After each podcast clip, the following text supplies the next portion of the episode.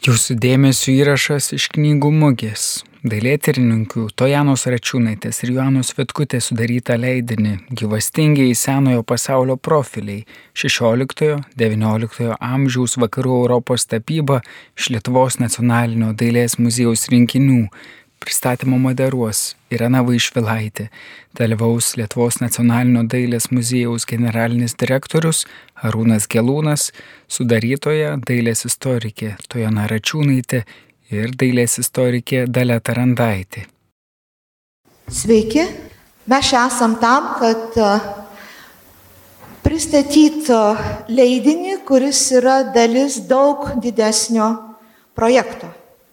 Tai yra vakarų Europos dailė, esanti Lietuvos nacionalinio dailės muziejaus rinkiniuose, sulauks naujo gyvenimo netrukus. Ir šito katalogo, šitos knygos albumo, nu čia reikia apsispręsti, kaip šitą knygą vadinti truputėlį, nes jinai taip truputį slepia savo esmę. Ir yra, tarytum, duris į tai, kas laukia publikos, kas laukia vakarų dailės mylėtojų Neplanavo tikriausiai nei leidėjai, nei ekspozicijos rengėjai, kad lygiai grečiai mes Vilniuje turėsim e, labai reikšmingus e, vakarų Europos dailės kūrinius iš Ukrainos rinkinių. Dabar jau valdovų rūmose, bet bus ir daugiau, ir nacionalinis dailės muziejus e, turės ką parodyti ir ką parodyti labai įdomaus. Tai aš taip Tokią kol kas įvadą kalbėdama tai, kad mes kalbam apie vakarų dailę, kuri niekada nebuvo labai stipriam fokuse Lietuvos muziejininkystėje. Ir tada irgi pakalbėsim, kokie yra tie mūsų rinkiniai, koks yra nacionalinės dailės muziejus rinkinys, kokia istorija. Ir nauja busimoji ekspozicija, kuri ir kaip ekspozicija yra, nesakyčiau, toks iššūkis muziejiniai tradicijai.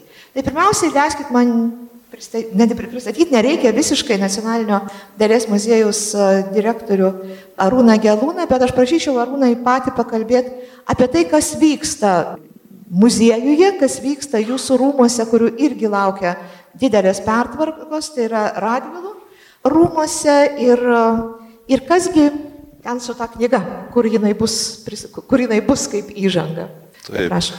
Tai įžanga visiškai teisinga, taip iš tikrųjų yra dėmesys dabar nukreiptas į mūsų vakarų Europos senosios tapybos rinkinius. Ir e, turbūt reikia pasakyti, kad tai sikiu, na, toks ir truputėlį skausmingas mūsų kultūros istorijos etapas, nes e, susijęs su daugybė grobstimų, daugybė praraščių, tada nuostabia filantropija, žmonių, kurie suvokė šito meno reikšmę įnašų Ir nebūtinai tai buvo žmonės valstybės pareigūnai, tai buvo labai didelė dalim ir privatus mecenatai. Ir 20-ojo amžiaus pradžioje Vilniuje susirinko iškilių žmonių burelis, apie tai nekarta rašyta ir paroda puikiai buvo homaž donatoriams Vilniaus paveikslų galerijoje. Bet būtent čia slypi toks lūžio taškas, kai Vilnius miestas be muziejų, miestas apiplėštas, miestas e,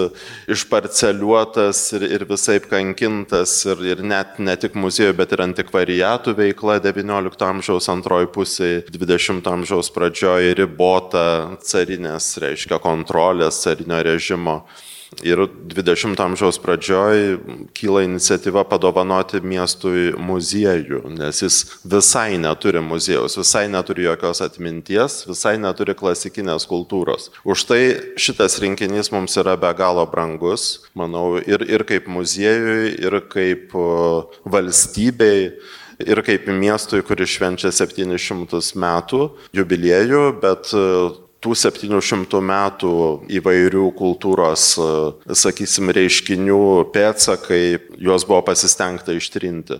Tai negaliu to nepasakyti, negaliu truputį negatyviai nepakalbėti, nes per pastaruosius 200 metų tik tai 50 metų buvom nepriklausomi. Bet kai mes surinkome savo muziejui tuos kūrinius, kuriuos turime vis dėlto, kurie nebuvo išterioti, prarasti, išvežti, kaip e, man patinka prisiminti faktą, kad Jonušo Radvilos rūmose, kuriuos dabar renovuojam, yra buvęs ir Kranachas, ir ne vienas kūrinys, ir Düreris, ir Rembrandtas, ir kiti, kurie šiandien būtų labai geras e, klausimas. Tai va, tai svarbu valstybingumui, tai svarbu muziejui kaip tokiam, tai yra labai vertinga muziejaus rinkinio dalis, turbūt pati vertingiausia, jeigu monetarinė prasme įsivertinti. Bet e, ilgą laiką ir pats muziejus buvo šiek tiek benamis e, po nepriklausomybės atkūrimo. E, reikėjo atiduoti Vilniaus katedrą tikintiesiems, reikėjo atiduoti Vilniaus rotušę miestui, daugybė kitų pastatų vyko migracija iš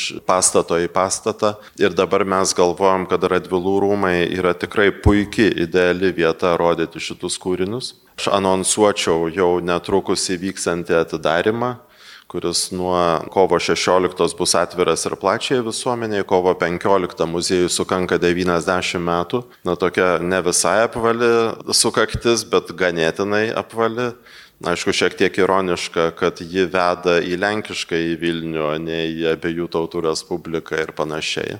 Tai manau, kad šią atnaujintą ekspoziciją, apie kurios koncepciją turėtų kalbėti daktarė Tojana Račiūnaitė, kuri ir yra jos autorė, pasakysiu tik tiek, kad su virpančia širdimi, su dideliu džiaugsmu laukiame sugrįžtančių šitų kūrinių į ekspozicijų sales, naujai aprašytų, naujai atributuotų, labai prabangiai išeksponuotų, kaip dabar atrodo, kad bus. Ir visi, kas mėgsta klasikinę kultūrą, kam patinka vakarų Europos senoji tapyba 16-19 amžiaus, aš manau, kad tikrai gaus nuostabią dovaną. Tai vad toks būtų intro, gana euforiškas pakilus, su tokia truputį liūdna istorinė gaidelė, bet aš manau, kad, na, kaip Lietuva pakilo iš pelenų vasario 16 ir kovo 11 vėl, Taip, kad ir mūsų klasikinio meno rinkinys tikrai, nors mes ir ne Dresdenas, ir ne Viena, ir ne Vašingtono nacionalinė galerija, turėtų labai labai nudžiuginti. Direktoriau, aš dar vieną klausimą, tada tik tai pridurčiau prie to, ką, ką Jūs pasakėt.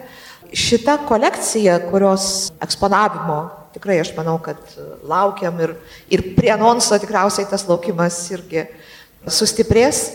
Šita kolekcija įeina į erdvę, kurioje muziejaus nebuvo. Nes jeigu Radvilų, kai mes galvojame apie Radvilų rūmus ir ten irgi buvo ir, ir ta senoji dailė eksponuota, bet visai kita erdvė, tai gal apie šitą truputį dar galėtumėt, ar nenorit sakyti dabar, kur bus, kur ateit, kai bus paskelbtas atidarimas. Kodėl dar ir kaip noriu. Tai prašom. Noriu. Nes erdvė nuostabi, iš tikrųjų istoriškai ko ten tik nebuvo ir sporto salė, ir, ir įvairūs sandėliavimai, ir visiškai baisaus stovio nugyventas pastatas. Aš kalbu apie kairįjį flygelį Radvilų rūmų, tai yra Liejyklos gatvės korpusą, kuris... Senieji, senesni Vilniaus gyventojai žino kaip Dinamo klubą ir salę. Taip, tai iš tikrųjų, jeigu kalbėtume apie rūmus, tai turėtume rodyti vaizdus ekrane ir visai panonsuoti ir girtis, bet e, čia jau nebe anonsas, čia jau kvietimas. Iš tikrųjų, nuo kovo 16 dienos tikrai bus atviros tos ekspozicijos lankytojam. Ir kaip teisingai profesorė Vaišvilaitė sakė, toks dvigubas džiaugsmas, nes turėsime šalia ir nedidelę parodą iš Ukrainos Boriso Vosnickio nacionalinės galerijos rinkinių, kuri tikrai apstulbins ir pirmą kartą Lietuvoje rodoma Gojos tapyba, kad ir nedidelė.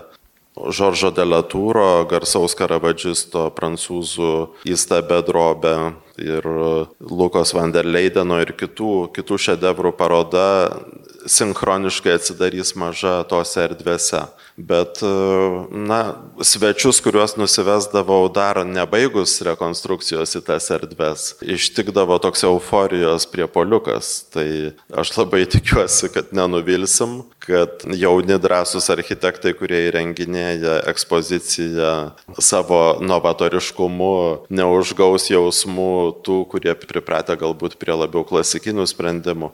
Mes prašėm magijos kad būtų sukurta magiška ekspozicija nes parodos koncepcija, ekspozicijos koncepcija tiek Tojanos Račiūnaitės, tiek jai talkinusių Dalios Tarandaitės, kuris su mumis yra ir kuris seniausiai dirba su šitu rinkiniu, pati prisipažins nuo kurių laikų. Ir jauna kuratorė Joana Vitkutė, kuri šiuo metu Londone, jeigu neklystų, stažuojasi ir sugrįž pas mus jau į, į patį renginį. Tai manau, kad pakaks ir magijos, ir džiaugsmo, kad sugrįžta senosios dailės rinkinys į ekspozicijų sales ir naujų atribucijų, nuostabių naratyvų, kurias sukūrė katalogo teksto autorės. Na ir nebūtinai galbūt reikės važiuoti į vieną ir į Dresdeną, o pradžioje apžiūrėti, ką turime mes patys. Gal kartais grįžus iš vienos arba Dresdeno, kai pasilgsti klasikos pasiguosti. Čia gali būti ir taip, kad šitą ekspoziciją. Taip. Žinoma, šitas etapas, tikrai toks koncentruotas žvilgsnis ir pergalvojimas Nacionalinio dailės muziejaus vakarų tapybos, pirmiausiai, nes čia tik tapyba, rinkinio yra, darytum, dar viena banga, kuri tokioj bangų mušoj tame Vilniuje yra ir nėra, nes Vilniuje klasikinės dailės vakarų Europos, kaip ir Lietuvoje, tos klasikinės tapybos poreikis ir jai toks interesas ir jos bandymas ją turėti yra besitęsiantis. Tas pats Dailės muziejus visai neseniai eksponavo labai įdomią parodą iš telšių muziejaus, iš dvarų. Ir matom, kad tie, tie dvarai, tie dvarininkai, tos giminės lygiai taip pat, pirmiausiai, tai yra nu, ta, tie patys pasirinkimai, ką jie išgali, žinoma, ir kas išliko, per visas dvarų nusavinimus, perdavimus ir panašiai. Mes, kai galvojam apie Vilnių, ir tai visai neseniai buvo paroda, taip pat vadalios kūruota Pranciškaus Smuglevičiaus. Tai dar vienas yra klasikinės tapybos katedra, pirmoji įsteigta buvusios abiejų tautų Respublikos teritorijoje Vilniaus universitete. Dailininkų ruošimo pagal Romos pavyzdį kuri tuo metu, kai pasikviečiamas Smuglevičius šičia į Vilnių, dar yra Nors faktiškai jau prancūzų revoliucija nužudė faktiškai tą centrą, Napoleono įsiveržimas į Romą, Romos antrasis išplėšimas, bet dar buvo ką tik tai visos Europos meno sostinė, visiška kultūros sostinė. Ir pirmas Masalskis bando į katedrą Romą atkelt, o paskui jau kviečiant Smuglevičių šį čia pradėti dėstyti, kur iš tikrųjų universitete, kuris vėlgi neilgai gyvens. Tai tie įvairūs rinkiniai kaupiami ir prarandami. Yra tas, tas judėjimas ir čia per, iš šitą mes turėtumėm irgi žiūrėti per tą, matau, klasikus kai kuriuos, per tą Lietuva ir klasika, Lietuva ir klasikinis pasaulis tokia prizmė. Tai man tada galbūt, jeigu kalbėti jau apie šitą kolekciją, tai aš norėčiau duoti žodį daliai tarandaitė, kad dalė jūs papasakotumėt apie patį rinkinį. Kas tai yra? Nes e, katalogė yra ir dalios straipsnis apie rinkinį, tai šituo atveju tokia trumpą priminimą. Kai manęs paprašo papasakoti apie rinkinį, tai mane užpal tokie prieštaringi jausmai. Ir liūdėsys, ir džiaugsmas. Liūdėsys todėl, kad ne, be abejo mes visi linkę save lyginti su kitais ir pažiūri kitus muziejus ir tada aš jau šiek tiek tampa liūdniau, nes iš tiesų dauguma tų Europos muziejų yra įsikūrę tokių svarbių jau 17-18 amžiuje pradėtų kaupti kolekcijų pagrindų, o mes visi žinom savo istoriją, kad tos senusios mūsų kolekcijos buvo išskaidytos, išblaškytos. Ir tai, ką mes turim, tikrai yra labai mažiukai fragmentai. Tačiau kartu ir džiugesys, kad mes turim tai, ką turim ir kad tikrai mūsų rinkinė yra ir tokių drįščiau pasakyti, europinės reikšmės dailininkų ir e, dailininkų, kurių, kad ir pavieniai kūriniai papildo europinės dailės istoriją, turiuomenį ir Sprangerį, puikus darbas yra iš Vladislavo Tiškevičiaus kolekcijos. Turim, mano nuomonė, tikrai labai gražų Salvatorą Rosą, Ir dar jis tas kūrinys ypatingas tuo, kad mes šitą dailininką daugiausiai žinom kaip peizažistą. Jis yra sukūręs keletą tokių religinių, figūrinių kompozicijų ir būtent tose kūriniuose, kaip ir mūsų kūrinyje, dominuoja viena figūra. Ir būtent ne tik tai, kad toks vienas iš korifėjų tapybos, bet ir darbas paties dailininko kūryboje toks išskirtinis. E, kaip žinome, visos tos kolekcijos, kurios jau vertinamos vis, ir kolekcininkai, kurie jas kaupia, kolekcijos vertė ir nusisakoma pagal tais žymiais vardais. Kuo daugiau žymių vardų, tuo daugiau e, ta kolekcija vertingesnė. Be abejo, ir Ir į mūsų tą e, rinkinį patekę kūriniai taip pat vieni turėjo savo atribuciją siejamą su garsiais veidais, kiti ne. Daug kas ir buvo tikslinata. Kai kas, aš manau, dar pasitiks ir ateityje, kaip pavyzdžiui, vienas Taip pat Europinės dailės korifėjus, tai yra Mainherto Hobemos darbas, tai irgi daugelis čia menotyrininkų ir užsienio apžiūrinėjo, vieni sako tikrai Hobema, kiti sako galbūt ne, galbūt jo ratų, bet visai neseniai mes aptikom ant to kūrinio paties dailininko parašą. Ir tas parašas realiai, taip žiūrint su dailininko parašais, labai, labai atitinka jo stilių. Ir dargi jis yra toks nelabai ryškus, tai irgi sunku būtų patikėti, kad būtent šio šitokį būtų, būtų padirbinėjimas. Dar laukia atidesni tyrimai, bet gali būti, kad mes tikrai turim tikrą hobemą ir su autentišku dailininko parašu. Taip pat be abejo yra daugiau signuotų kūrinių, kurie tikrai tame dailininkų kūrybos kontekste signuoti, datuoti, kurie labai gražiai papildo tų dailininkų kūrybą ir bendrai europinės dailės kontekstą. Nemažai mes turime kūrinių ir kurie tuo tarpu dar neturi savo tokių tikslesnių atribucijų, tačiau puikiai atspindi tam tikrus, sakysim, olandų, flamandų, italo dailės tapybos mokyklų tradiciją. Ir kai kas, vat, net ir šio kolegės rengdamo šitą katalogą, kai ką šiek tiek bandė patikslinti, manau, kad ir ateitie dar mūsų laukia atradimų, kažkaip širdis jaučia, kad galbūt kūrinys to priskirtas vėlgi vienam tokiam garsam Romos tapytojui Pieto Bretni de Kartona. Jisai buvo nupirktas Vladislavo Tiškevičius iš labai garsios kolekcijos, iš Vengrijos aristokratų Esterhazy kolekcijos, kuri iškai vis yra saugoma Vengrijoje. Šitas kūrinys buvo nupirktas kaip būtent Peretinio de Kartonos kūrinys. Apie 1956 metais kūrinys buvo apžiūrėtas ir specialistų ermitažų buvo suabejota, galbūt kaip jo rato dailininkas. Mes dabar su tą atribucija jį atributuojame, tačiau dabar va raštama šį čia irgi aš apie jį kaip tik teko rašyti ir mano tokia nuojauta sako, kad vis dėlto gali būti, kad dar verta jį patirdėti ir kad gali būti, kad dar iš tos kūrinys atgaus savo autoristę. Tikrai dar yra ką veikti mūsų ir ateities tyrinėtojams mūsų kolekciją. Bendrai vertinant kolekciją, taip, taip pat daug jau matė ir mūsų ir užsieniečių, ir lyginant su kitų, sakysim, Baltijos šalių, su Estų, Latvių kolekcijomis, mūsų kolekcija išsiskiria tuo, kad joje dominuoja italų ir flamandų dailė. Jeigu vat, ir Estai, ir, ir, ir Latvija turi puikias Olandų dailės kolekcijas, kadangi būtent tose šiaurės kraštuose pirmiausia atsiranda dailės rinka, kurie gaminami pardavimui ir daugelio kolekcijų jie dominuoja.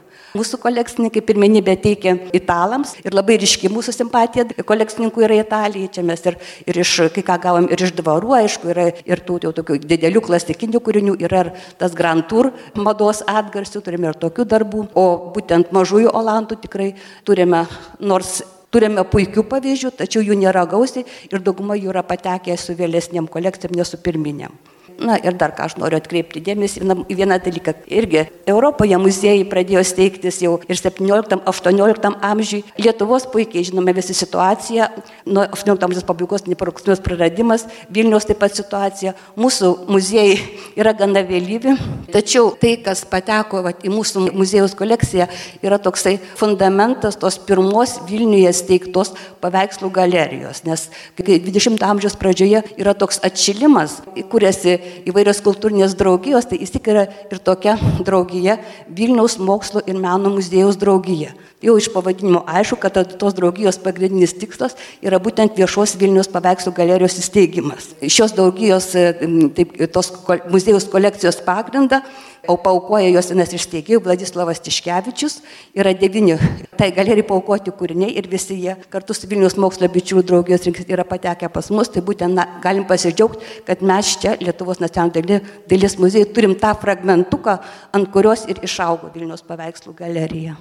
Ačiū, na ir savotiškų įvadų pačią tą kolekciją kaip po tokią, kuri dar nemažai darbų, kurie yra ir bus ekspozicijoje, kurie yra katalogė, jau buvo galima pamatyti Laimos Laučkaitės kūruotoj parodoj apie kolekcijas iš, iš pačių kolekcijų.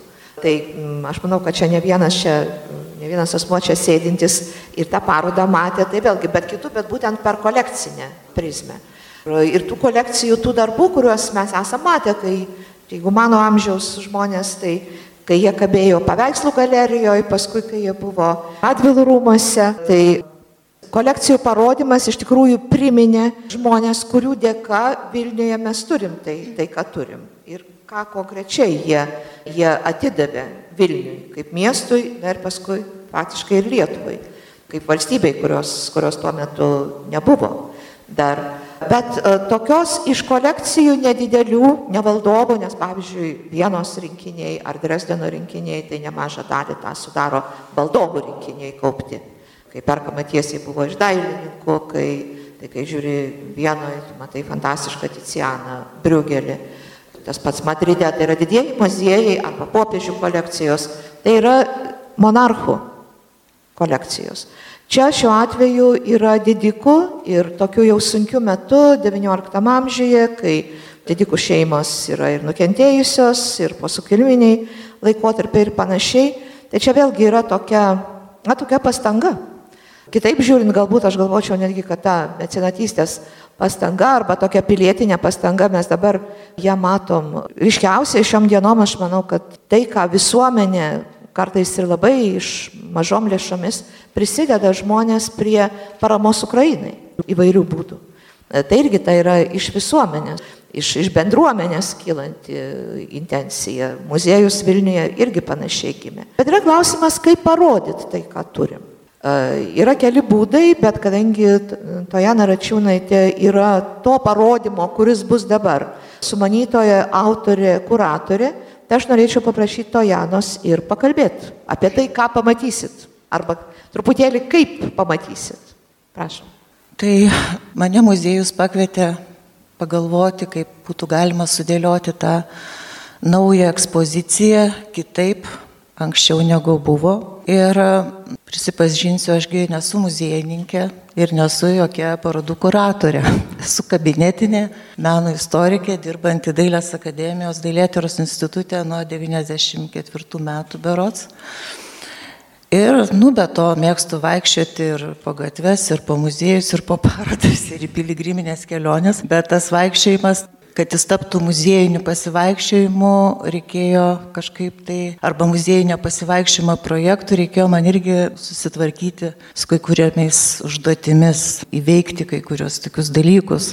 Ir iš tų katalogėlių, katalogų, kurie buvo išleisti anksčiau, aš bandžiau sudaryti tas paveikslų grupės, kokias jas galima sudaryti. Tai daugiau negu šimtas paveikslų, kuriuos reikia parodyti, kurie yra vertingi dėl vienų ar kitų dalykų, bet kaip juos parodyti. Ir kaip, nu, būna tie kulinarijos šau, kur atneša visokias maisto įvairienybės, ten tokios daržovės, ten tokia mėsa arba kažkokie prieskoniai, dažniausiai visiškai tarpusavį nederantis ir iš jų reikia kažką sukurti, kas būtų valgoma, suprantama ir kažkaip tai. Taip pat panašiai užduotis tokia buvo ir iš tų kūrinių, galvojau, kokios galėtų susidaryti tos grupės. Ir čia buvo aišku, kad kai kas siejasi žanro požiūriu, pavyzdžiui, labai daug peizažų, taip buvo aišku, kad na, susidaro ta gam, gamtos stichijų tema, bet labai daug religinio turinio paveikslų, tai čia tos religinės pasijos, bet buvo ir mitologinių, ir istorinio pobūdžio, ir čia reikėjo kažkaip pasukt galvą, nu, turėjo kažkaip nušvisti tos temos, kaip jos galėtų susidėlioti, pavyzdžiui, pasirinkimą ir priesaikos, kurios, kur, kur, kur atsidurtų greta ir Paulius atsiskyrėlis Salvadoro Rozos ir e, Liparinio Horacijų nacijų priesaiką ir, ir va, taip kažkaip e, susidėliojo tos grupės, ganėtinai toks smagus, labai kūrybiškas darbas ir už jį labai dėkoju direktoriui Gelūnui, kad, na, nes čia buvo mano šito projekto turbūt pati smagiausia dalis, nors aišku, aš ten paskui tik galėjau ateiti į fondus ir trukdyti dalį ir, ir jau prisijungė ir Joana Vitkutė ir mes visos ten apžiūrinėjom tos kūrinius natūrai ir, ir dar su restauratoriais teko kai kur, dėl kai kurių kūrinių tartis ir apžiūrėti, tai tas jau man kaip menotrininkė tas ta galimybė prisiliesti prie to kūrinio kaip kūno su savo regimąją ir neregimąją fasadinę ir tą neregimąją pusę, tą neeksponuotiną pusę, kuri irgi yra labai informatyvi ir svarbi menotyrininkui, tai man buvo didžiulis džiaugsmas. Bet dar vienas dalykas tai iš tokių irgi iššūkių, kad reikėjo galvoti ir apie žiūrovą, kad jis tas kūrinius, nu, ta prasme, tos temos galbūt padės atrakinti tos siužetus, bet tos siužetus visus reikia išaiškinti, nes ta klasikinė tapyba, nors jinai yra mimetinė, imituojanti ir dabar vat, viso ekspresionizmo, abstrakcionizmo, postmodernizmo kontekste atrodytų, ką, nu, kaipgi galima nesuprasti klasikinės tapybos. Jis visa vaizduoja taip, kaip yra, labai tikroviškai. Visi figūros tiesiog gali būti apčiuopiamos ir visos draperijos įroda blizga ir taip toliau. Bet jie dažnai šitie kūriniai tokie mimetiški ir, sakysim, vizualiai informatyvūs, jie prasmiškai šiuolaikiniam žiūrovui, kuris nėra meno istorikas arba neturi klasikinio arba gilesnio humanitarinio įsilavinimo, jie yra tiesiog figūros gestikuliuojančios, kažką veikiančios, bet ką visiškai neaišku. Reikšmė yra pamiršta, užgesus ir visus jos reikia vėl iš naujo interpretuoti ir, ir prikelt. Ir prieš tai buvo leidinių, pavyzdžiui, sakralinės dailės katalogas, tai vat, dalios sudarytas prieš beveik prieš 20 metų. Tai tie jau religinio turinio paveikslai, jie buvo daug maž aprašyti ir, ir, ir jau tas pradžia buvo padaryta jų tyrimo. Bet e, mitologinio, mitologinio religinio pobūdžio paveikslai, jie visiškai buvo, visiškai kai kurios interpretacijos renktos pirmą kartą, visiškai apeiti batalinio žanro kūriniai ir peizažai, tai jų visus aprašymus parengė Joana Vitkutė, jie daugeliu atveju yra pirminiai, pirmą kartą aprašyti. Na, aš pati, ką pabandžiau perinterpretuoti, ką dalė parašė, kai kurie prašymai ir liko dalios pačios atnaujinti. Tai tuos aprašymus, tai va čia tai toks jau buvo tokia, nu, kankinė. Nes nu, sunku, sunku yra ir, ir be to, kai visgi laikas yra ribotas ir tos žinios jos ateina lietai ir, ir dabar aišku visai kitos galimybės yra. Internetas, galima tos provaizdžius rasti lengviau visiškai, bet to yra galima ir, ir kai ką pasilyginti nuvykus į kažkurią šalį, bet visam tam ypatingai natūroje apžiūrėti arba pasitart su kokiais nors ekspertais, tarkim, dėl Salvadoros Rozos arba dėl, pavyzdžiui, kažkokių nu, autorių, tai ir ypatingai dėl karačių, tai čia taip, taip nepadarysi per metus. Tai kaip gelūnai, jūs sakėte, kad, nu, tris metus turėjo, taigi čia daug laiko, tai čia yra meno istoriko tempais, tai čia yra mažai gerai knygai parengti kaip minimum dešimtmečio, nu tokiai, va, ta prasme, kad būtų nauji tyrimai. Tai naujų tyrimų yra, bet, bet čia tik tai pradžia, čia Lietkalnio viršūnė ir man atrodo, kad muziejus tikrai dabar pradėjo tokią naują vagą, ar kaip pasakyti, aktyvuoja tos tyrimus, priimta naujų žmonių, menotyrininkų ir, ir tikrai galbūt vertėtų ir tų ekspertų pasikviesti ir užsienio, kad pasižiūrėtų natūroje, pasilygintos ir cheminius tyrimus dėl kai kurių atribucijų. Ir nu, aš čia sauliaisiu ir, ir pasvajoti, kad būtų galima leisti ir tokius specialius mažus asmenius, tokius tyriminius paimtus kokiam nors mažam fragmentui, tarkim, tik Olandam arba tik vienam autoriui autorius su jo įkontekstinimu, nes, nes gali būti ir vien tai, kad mes turim nuostabų Špenglerio kūrinį Švento Uršulio pasaulinio lygio, vien tai, vien dėl to verta pasirinkti normalią šitą autoriaus monografiją ir, ir visą tą kūrinį kontekstinti ir ateitį padaryti parodą, atsivežti, jau labiau, kad yra atrastas eskizas būtent šito kūrinėlio ten jungtinėse valstijose ten, nu, atitekęs. Tai žodžiu, labai yra įdomu ir ta kolekcija. Aš tai taip esu, taip manau, kad galima įsimylėti ir trijų kūrinių kolekciją sa, savo namuose, o Vilniaus kolekcija, tai ją turėtų kiekvienas Vilnietis būti įsimylėjęs, nes tikrai yra dėl ko. Yra tokių perliukų ir gali pritraukti labai skirtingo skonio, skirtingų polėkių. Tai ir ta mano koncepcija, kurios, kurio, kaip ir pavadinau tokia nuteminė, arba kaip pasakyti, naudoju tokius kaip operatyvinius laukus, kuriuose sudėra tokie visokie nu, neįmanomi klasikinių meno istorijos tokio formavimo požiūrių, nu, neįmanomi tokie deriniai.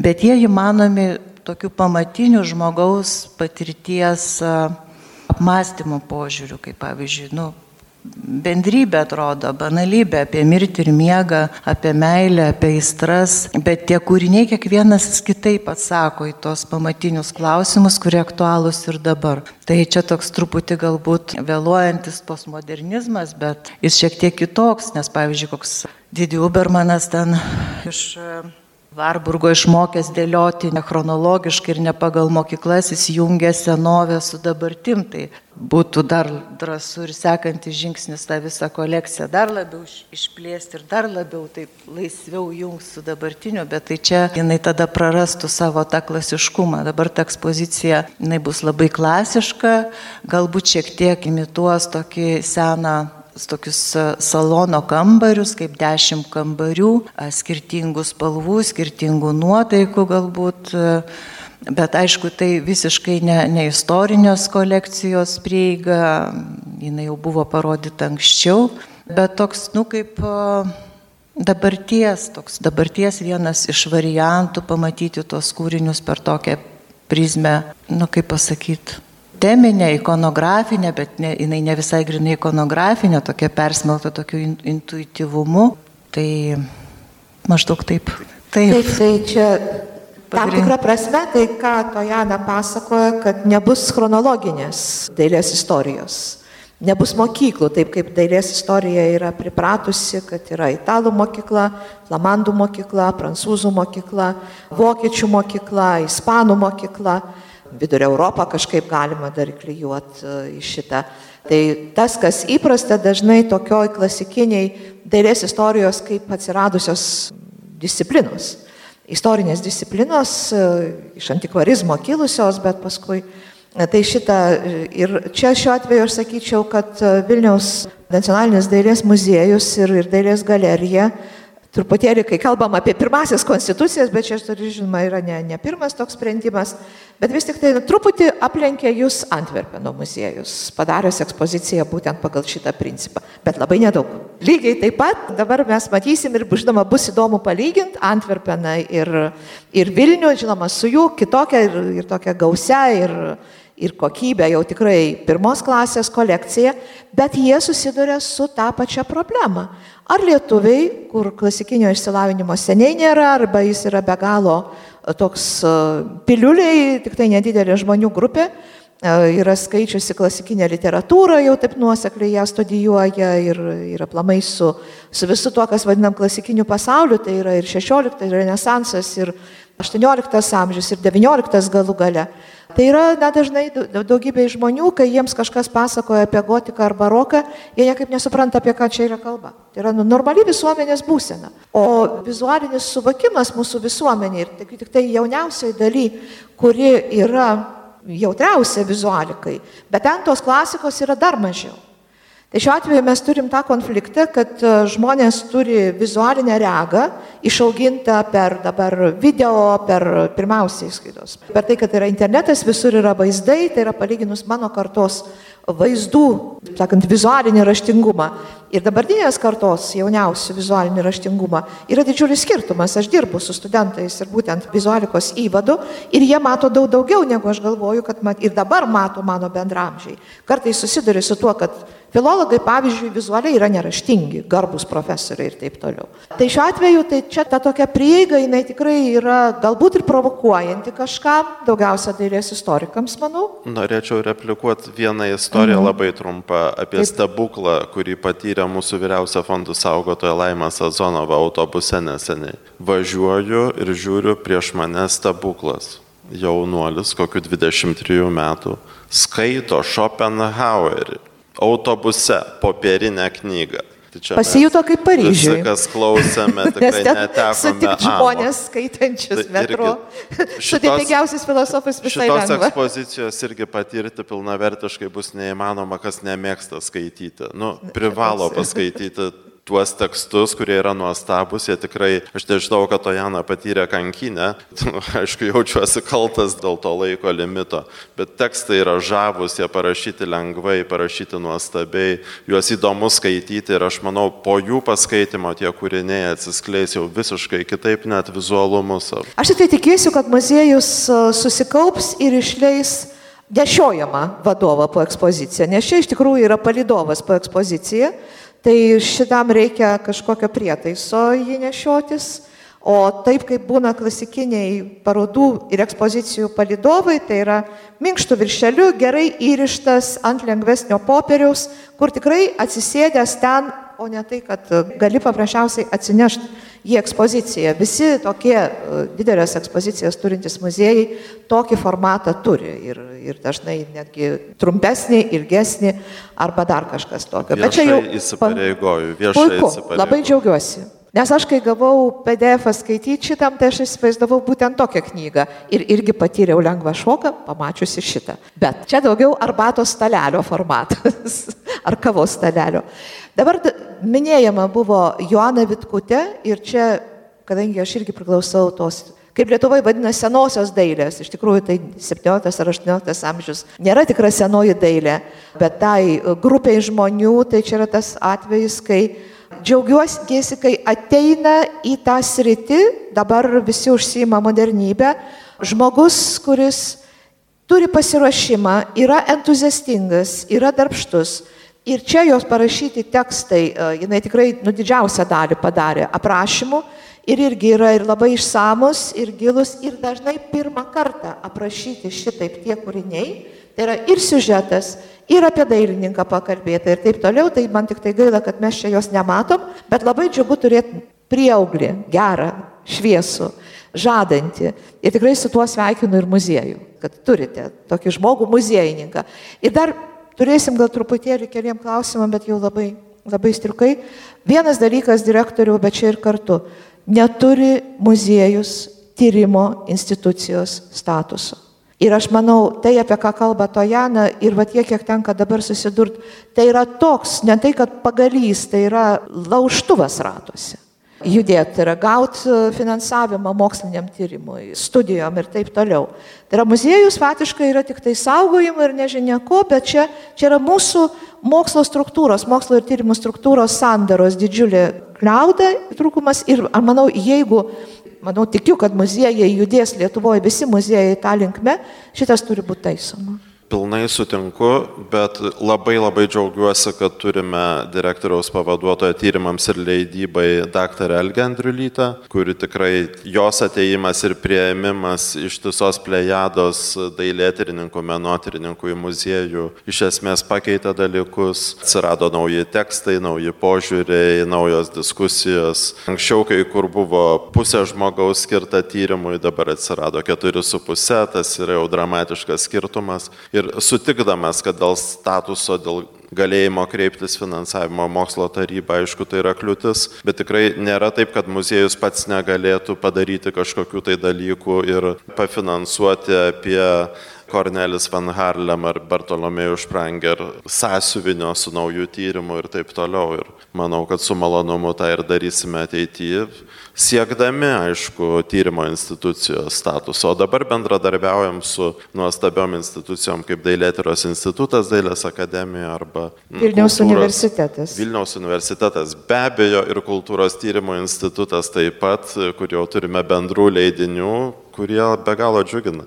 Kadangi prieš metus smūgiai pristatinėjom katalogą irgi, tai vienas dalykas, kas džiugu, kad beveik tris kartus daugiau žmonių Vadinasi, auga susidomėjimas. Arba daugiau, pristatinėjom Smuglevičiaus katalogą. Tai čia, žinoma, daugiau vakarų Smuglevičių mes blogai suvokiam. Jis yra tikras romėnas. Dažniausiai, ką apie Smuglevičių buvo rašoma, ką jisai padarė Romoje, bet įdomiausia tema yra, ką Roma padarė Smuglevičiui. Ir kaip jis įsirašo į, į tą Romą. Tai apie tai irgi bus, yra projektas, gal bus ir rezultatas, dar ne taip greitai, ne kitais metais, Bet, bet vienu žodžiu, gyvenimas verda dailės muziejui. Verda, aš tikėjau, kadangi kalbam apie vadinamąją senąją dailę, nors turbūt šitaip suaktualinta jinai jau priartėja prie mūsų, nes ir, ir sapnavome, ir mylėjome visą laiką, ir patyrėme geismus, ir puotas, ir darbus, visa tai yra šio. Čia apie temas, kompi... apie būsimas ekspozicijoje. Bet e, tikrai galvau, kad didžiausia bėda bus surasti senosios dailės ekspertų. Labai džiaugiuosi, kad klydau Vilniaus Paislų galerijoje dabar ištisa plejada, žiūri daktarę Aistę Bimbirytę ir jos komandą, e, Ramūnę Savickytę, Joaną Vitkutę, nekalbant apie dalę Tarandaitę, kurią jos jau aptiko atėjusios kaip nuolatinė konsultantė ir geriausia to rinkinio žinovė. Tai su tuo kažkaip tai tikrai daug šviesos ir optimizmo, kad galim dirbti, bet va su taikomąją dailę ir dizainu, tai lietuviai studentai pasirodo visai nemėgsta dirbti ir beproto sunku rasti tyriejų šitoj srity ir, ir šitoj vietoj mes turim dar daug nuveikti iš tikrųjų. Kaip be būtų keista ir įdomu, atrodo tokia madinga ir tokia daug žadantis rytis. Dar vis tiek komplimentai Nacionalinio dailės muziejaus leidybai, nes visada yra ką pristatyti. Tai ir stendas šiemet naujas, visiškai gražaus dizaino, su kuo galima irgi. Tai Ačiū susirinkusiems, ačiū klaususiems, ačiū kalbėjusiems. Girdėjome įrašą iš knygų mugės. Dailėtyrininkių Tojanos Rečiūnaitės ir Joanos Vitkutės sudarytą leidinį Gyvastingiai seno pasaulio profiliai 16-19 amžiaus vakarų Europos tapyba iš Lietuvos nacionalinio dailės muziejaus rinkinių pristatė Irena Vaišvilaitė, Lietuvos nacionalinio dailės muziejaus generalinis direktorius Arūnas Gelūnas, sudarytoja dailės istorikė Tojana Račiūnaitė ir dailės istorikė Daleta Randaitė.